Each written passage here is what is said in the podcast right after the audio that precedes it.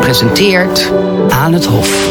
De levens van ruim 17 miljoen individuele Nederlanders passen niet in een mal. Ik hoop dat ik velen van u nog dikwijls kan ontmoeten. Als je jezelf niet kent, kan je nooit een publiek uh, ambt goed vervullen. Je was een beetje dom. je was een beetje dom. Aan het Hof. Aan het Hof. Hoi en welkom bij deze podcast van Forsten aan het Hof. Hier kom je alles te weten over koninklijke huizen. Wat houdt de paleisbewoners bezig en wie zijn ze? Wat is Forsten? Het mooiste glossy tijdschrift over de royals van de wereld. Echte berichtgeving, niks geen roddels. Leuk dat je luistert. Mijn naam is Justine Marcella en ik ben hoofdredacteur van Forsten. In deze aflevering rollen we de Oranje Loper uit voor een echte Rotterdammer met oranje hart. Maar we beginnen met Wim de Handschutter. Wim werkt voor het Belgisch Nieuwsblad en is vaste columnist en correspondent van Forsten. Uh, jij praat ons uh, iedere podcast bij over de situatie op het paleis in Brussel, eigenlijk meerdere paleizen. Uh, en dat paleis trilt op het moment op zijn grondvesten. Koning Albert moet de resultaten van zijn DNA-test vrijgeven. Dat heeft het hoogste rechtscollege van België, het Hof van Cassatie, bepaald. Albert moet niet alleen de test ondergaan, maar ook het resultaat daarvan bekendmaken. En daarmee zou er een eind komen aan een jarenlange pijnlijke kwestie... waarbij de 51-jarige Delphine Boel hoopt op herkenning als zijn biologische dochter. Jij kent haar, hè? Kennen is in dit geval ook een uh, groot woord, maar ik heb al verschillende keren met haar gesproken. Kun je haar soms schrijven? Uh, 51 jaar, zoals je, zoals je al uh, zelf gezegd uh, hebt. Ze is een kunstenares, dat is haar beroep. ze, maakt in, of ze maakte in het verleden papier-maché. maar tegenwoordig zijn het toch vooral schilderijen die ze maakt. En voor de rest is daar eeuwige strijd natuurlijk om erkend te worden als de dochter van koning Albert. Even terug in de tijd, want hoe is dat gegaan? Ja, waarom, is zij, waarom is zij de vermeende dochter van deze koning? Dan moeten we sowieso al teruggaan naar de jaren 60. Uh, koning Albert en koningin Paola, toen nog prins en uh, prinses, hadden drie kinderen, Philippe, Astrid en Laurent. Maar ja, na de geboorte van Laurent in uh, 1963, dan al gaat het heel slecht in het huwelijk tussen Albert en Paola. Heeft hij ook een keer wat over gezegd hè, ja. in een toespraak? Ja, inderdaad in zijn kersttoespraak van 99. En daarbij linken we eigenlijk al onmiddellijk aan uh, Delphine Boel. Want dan, toen heeft hij daarop uh, gereageerd. Uh, maar het huwelijk gaat in de jaren 60 heel slecht. En Albert heeft een relatie, een romance op dat moment met een barones, een Belgische barones, Sibille de Célis Longchamp. Prachtige dame. Ja, inderdaad. En uit, dat, uit die relatie wordt een dochter geboren, een vermoedelijke dochter. We moeten er nog altijd van uitgaan. We kunnen het nog niet met zekerheid zeggen. Zolang het rechter daar geen uitspraak over doet. Dus uh, Delphine wordt in 1968 uh, geboren. Koning Albert is heel vaak bij Sibille en Delphine. Uh, Delphine gaat er altijd vanuit dat het een familievriend is. Ja, maar dat weten we, want daar zijn ook foto's van. Uh, die kennen we. Ja. Dus er is bewijsmateriaal dat ze elkaar in ieder geval gekend hebben. Ja, ja. en uh, zij noemde hem op dat moment papillon, vlinder, omdat hij heel vaak bij hen thuis kwam ja, binnen fladderen. En in 1999 komt het bestaan van Delphine uit als de vermoedelijke buitenechtelijke dochter van koning Albert. Ja, en vanaf dan is de, de rest is, uh, ja, uh, breed uitgesmeerd in de media. Maar en waarom, uh, want als, als hij zou denken, ja, maar dat is niet mijn kind. Ik was inderdaad een vage kennis of een leuke kennis. ik doe het, dan, zijn we, dan, dan kan, dat, kan die dame weer verder met haar leven. we hebben natuurlijk in, in Nederland gezien dat prins Bernhard weliswaar postuum, maar toch twee dochters heeft erkend. Dat heeft niet het voor Albert makkelijker gemaakt om te zeggen, oké, okay, ik werk hier aan mee en we lossen dit op. Ja.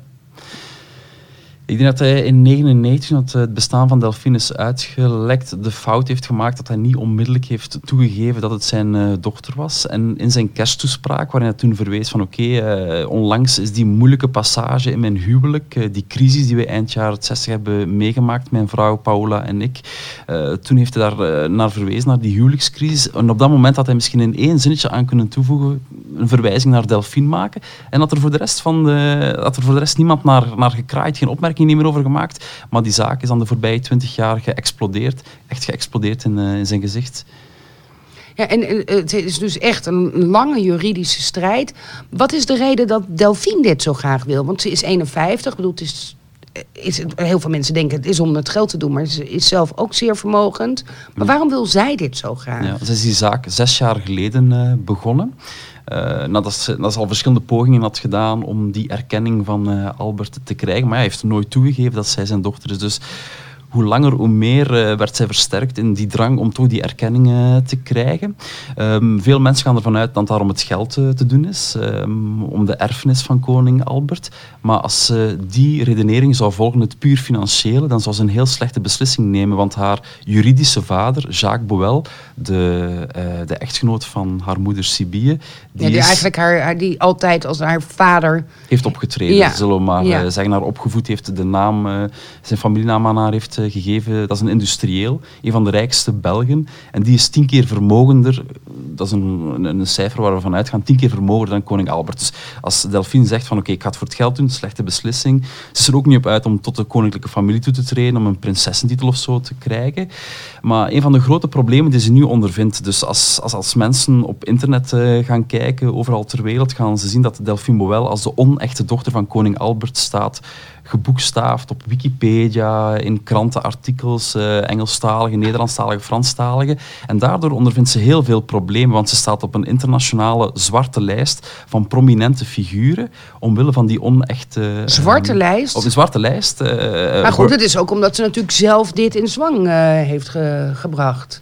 Uh, zij, het is niet haar fout dat in 1999 is uitgelekt dat zij bestaat. Nee. Uh, dat, is, dat is door een boek gekomen. Maar wat er interessant is, of de moeilijkheden die ze ondervindt er op die zwarte lijst te staan, is bijvoorbeeld als ze op de luchthaven is, moet ze, de, moet ze de douane passeren, wordt ze strenger gecontroleerd, omdat ze op de zwarte lijst staat. Werkelijk? Ze probeert een bankrekening te openen, uh, ze krijgt daar geen toestemmingen voor, zij wordt geweigerd als klant. onlangs is ook met het verhaal gekomen dat ze haar zoon elke maand 11 euro spaargeld uh, geeft. Een jongen van 11 jaar, ook voor hem heeft zijn bankrekening proberen te openen om die 11 euro per maand op die bankrekening te krijgen, is ook geweigerd. Dus ze ondervindt heel veel hinder door het feit dat ze de onechte dochter is van koning Albert. Net zoals ze al heel vaak bepaalde opdrachten is mislopen, uh, tentoonstellingen die georganiseerd uh, worden waar dat zij aan mag deelnemen en uiteindelijk toch niet, omdat de organisa organisatoren schrik hebben om problemen te krijgen met het Belgisch Koningshuis. Dus je voelt gewoon dat zij heel veel uh, last ondervindt van het feit dat ze niet die erkenning, of dat ze niet erkend wordt als de dochter van koning Albert. En als er nu een rechter gaat zeggen van oké, okay, het is nu zwart op wit, zo, Delphine is de dochter van Albert, kan heel veel problemen waarschijnlijk voor haar van de baan zijn. Dus het is niet alleen die erkenning, maar het is bijna rehabilitatie dan? Ja, ja. En ik denk ook als je uh, als, als koning Albert je vader is, uh, jij zijn vlees en bloed bent, maar je wordt daar niet in erkend, dan begrijp ik wel dat je op den duur.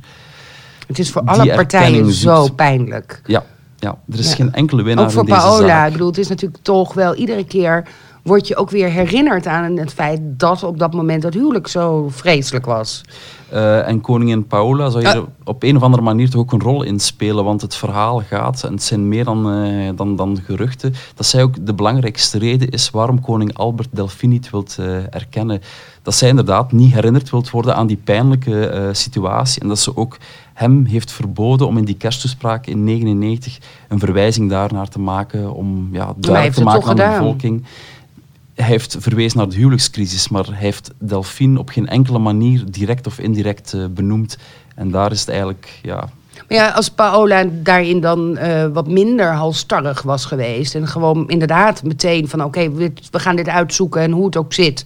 dan weten alle partijen het. Want ik denk dat duidelijkheid voor iedereen misschien nu eigenlijk nog het enige is. Ja, ja. Heeft het veel schade en... ook voor de, voor de rest van de koninklijke familie? Ik bedoel, dit en het, we hebben natuurlijk het Andrew-effect in Engeland, wat natuurlijk veel erger is. Want de situatie is daar veel erger. Maar ik kan me voorstellen dat zo'n uh, niet erkende dochter ook wel uitstraling heeft op de rest van de familie. Ja, ja, ja. In, de, in de eerste plaats natuurlijk voor koning Albert. Want op het moment dat hij sterft, zal hij altijd herinnerd worden als een goede koning, een, een, waardevolle koning die zijn broer twintig uh, jaar waardig heeft uh, vervangen, zijn broer dan uh, koning Boudewijn. Maar er zal altijd verwezen worden naar die passage van Delphine Boel. Het zal altijd een schaduw werpen op de biografie die over hem gemaakt zal worden. Maar inderdaad, ook voor de rest van de koninklijke familie is het heel pijnlijk. Voor zijn vrouw, koningin Paola. Maar ook voor koning Filip, die hem dan meer dan zes jaar geleden is opgevolgd. Hij heeft Delphine Boel niet verwekt natuurlijk. hij heeft daar in principe niks mee te maken, zou je kunnen eh, zeggen. Nou, kan Maar- misschien hier wel een rol in spelen. Van pap, eh, kom op, Mhm. werk even mee. Ja, ja, eh, maar de relatie daar is niet zo eh, fantastisch, hè? Nee, nee, nee, nee. Dat is een, ehm, een lastige relatie tussen Albert en eh Philippe. Dus ik denk dat Albert niet naar zijn zoon gaat luisteren. Maar natuurlijk, Philippe die ondervindt alle hinder daarvan. Hè. De, de, ehm, de geloofwaardigheid, het imago van het Belgisch Koningshuis leidt daar wel onder. Hè. Onder het feit dat het vroegere staatshoofd, de vroegere, de, het vroegere stamhoofd van de koninklijke familie zo hardnekkig blijft weigeren om Delphine te herkennen.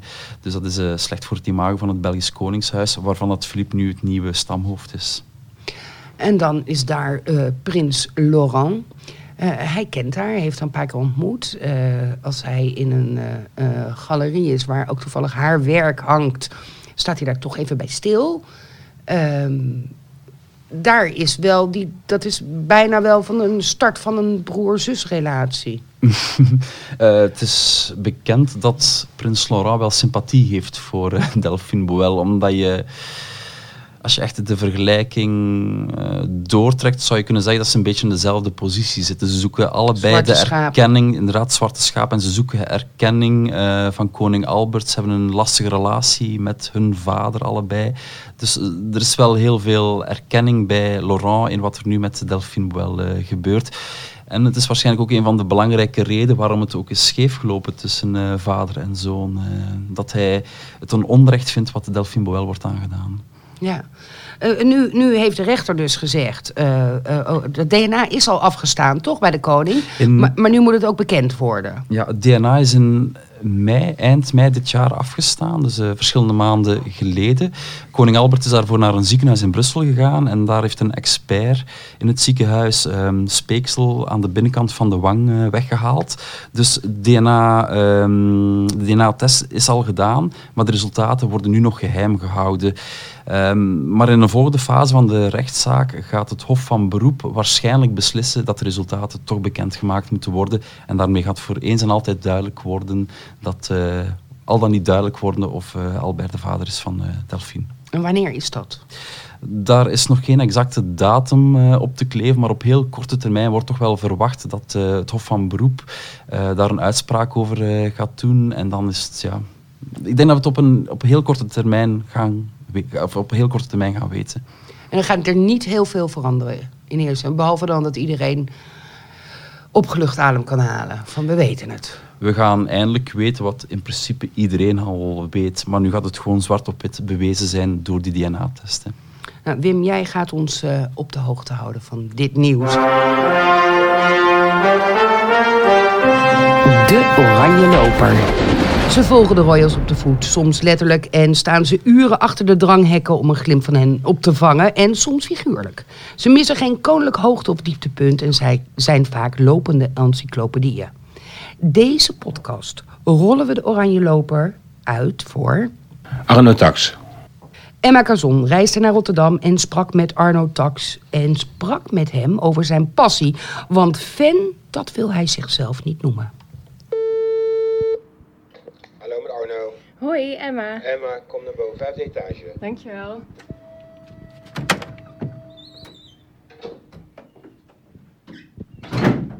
Welkom. Hoe ben je eigenlijk eh, fan geworden? Hoe is dat ontstaan? Of wat voor fan ben je eigenlijk? Nou ja, fan, eh, ik ben eigenlijk geen fan, vind ik. Ik vind fan eigenlijk een beetje een raar woord. Althans, vind ik een woord voor meer voor mensen die eh, fan zijn van een popgroep of een zanger of een zangeres. Ja, hoe het ontstaan is, nou ja, dat kan ik je wel vertellen. Eh, ik ben geboren in Breda. Breda is al van oudsher een oranje stad. Eh, Willem van Oranje heeft er gewoond. En dat leerde ik op school, op de basisschool. En eh, ik was niet in heel veel dingen goed, maar in geschiedenis wel.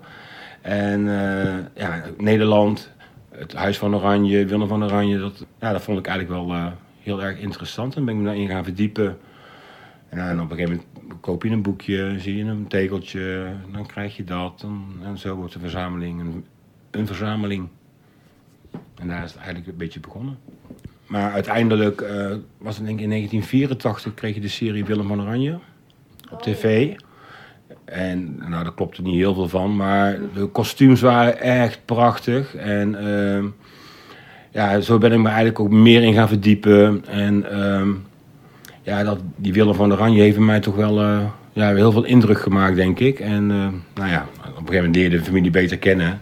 En dan eh, ga je eens een keer naar Beatrix kijken als ze ergens in het land is. Nou, en nu natuurlijk Willem-Alexander en Maxima die af en toe dicht bij ons in de buurt komen. En dan ga ik kijken en dan ga ik foto's maken en probeer ik altijd even een cadeautje mee te nemen. En even een contactmomentje met ze te hebben. En hoe reageren mensen daar omheen dan op? Ja, de, mensen die me kennen, die eh, linken me natuurlijk nu al met, ja, met Koningshuis. Eh, en heel veel mensen vinden het heel erg leuk. Er zijn natuurlijk ook mensen die tegen het Koningshuis zijn of tegen de monarchie. En, en ja, ik vind iedereen heeft daar een mening over. En ja, weet je, ik, ik heb mijn mening en een republikein, prima. Ja, Maar je hebt nu ook over de Nederlandse, maar zijn dan ook buitenlandse royals waar je dan fan van? Of nou, niet fan, maar die je dan leuk vindt bijvoorbeeld? Eh, ja, nou ja, ik had voor jou de vlag uithangen. Nou, dat was Ik zag het. Ja, het was de Nederlandse vlag en de Britse vlag. Eh, want ik woon namelijk samen met eh, Daniel en hij komt uit Engeland, hij is Brits. Dus ik heb eigenlijk het beste van twee werelden. Ik heb het Nederlandse Koningshuis en het Engelse Koningshuis. Daniel zegt altijd van er is maar één queen en dat is de queen. Nou, daar heeft hij wel een beetje gelijk in. En ja, op een gegeven moment ga je naar Engeland, familie bezoeken en dan krijg je een mokje, een bekertje. Je gaat eens een keer eh, naar een eh, charity shop. En, ja, weet je, dus mijn verzameling eh, bestaat vooral uit het Nederlandse Koningshuis en uit het Engelse Koningshuis. En heb je dan de Engelsen ook wel eens ontmoet bijvoorbeeld? Ik heb eh, Kate ontmoet toen ze in Nederland was. Toen was ik eigenlijk een van de laatste die haar zag. En ik had eh, twee eh ja, spaarvarkentjes meegenomen, Dallas Blauw. En, eh, dus- en, en bloemen, dus ik gaf de bloemen aan haar en dan de, de twee varkentjes. En in verband met Maxima, sparen. Ik denk, nou, dat is een leuke, Oh, oké, le- ja. leuk, leuke link. En toen had ze nog twee kinderen in plaats van drie, dus, dus vandaar die twee piggy banks. En ehm, toen zeg ik van, nou, oké, Royal Highness, welkom in Nederland. Namens mijn partner en ik zeg ze van, nou, doe je vrouw de groeten? Ik zei, nou, ik, het is een man. En toen moest ze heel hard lachen.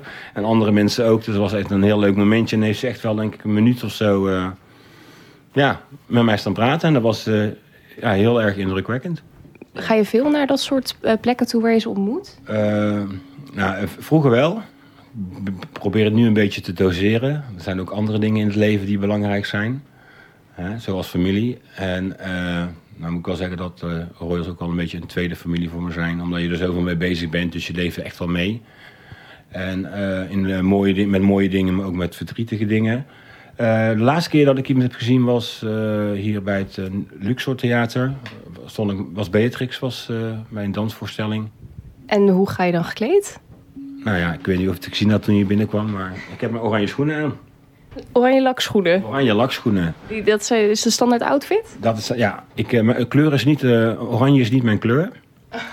Maar wel oranje schoenen. Maar wel oranje schoenen. Ja, en ik heb ook een oranje stropdas en zo, maar, maar ik, ehm, je moet je een beetje onderscheiden met eh, de rest. En mijn eh, partner zei van, je moet eh, iets vinden wat eigenlijk niemand anders heeft. En wat eigenlijk een soort eh, her- eh, herkenningspunt gaat worden. Nou, eh, ik denk dat Maxima onderhand en Willem-Alexander mijn schoenen wel eh, herkennen. En ook weten ja, wie ik ben, denk ik. En eh, ja, dat, dat is wel heel erg leuk.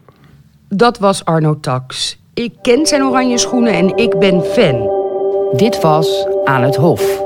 Dit was de podcast Aan het Hof van Forsten. Wil je op de hoogte blijven van het laatste koninklijke nieuws? Volg ons dan op Instagram, Facebook, Twitter, Pinterest en onze website. En oh ja, we zijn natuurlijk enorm blij wanneer je abonneert op deze podcast. Dat kost niks, maar wij waarderen het. Elke podcast sluiten we af met een andere versie van het Wilhelmus. Je kunt jouw versie mailen naar info.forsten.nl. Dit keer luisteren naar een akoestische versie op gitaar door Thomas Wijzen. Bedankt voor het luisteren en tot de volgende keer.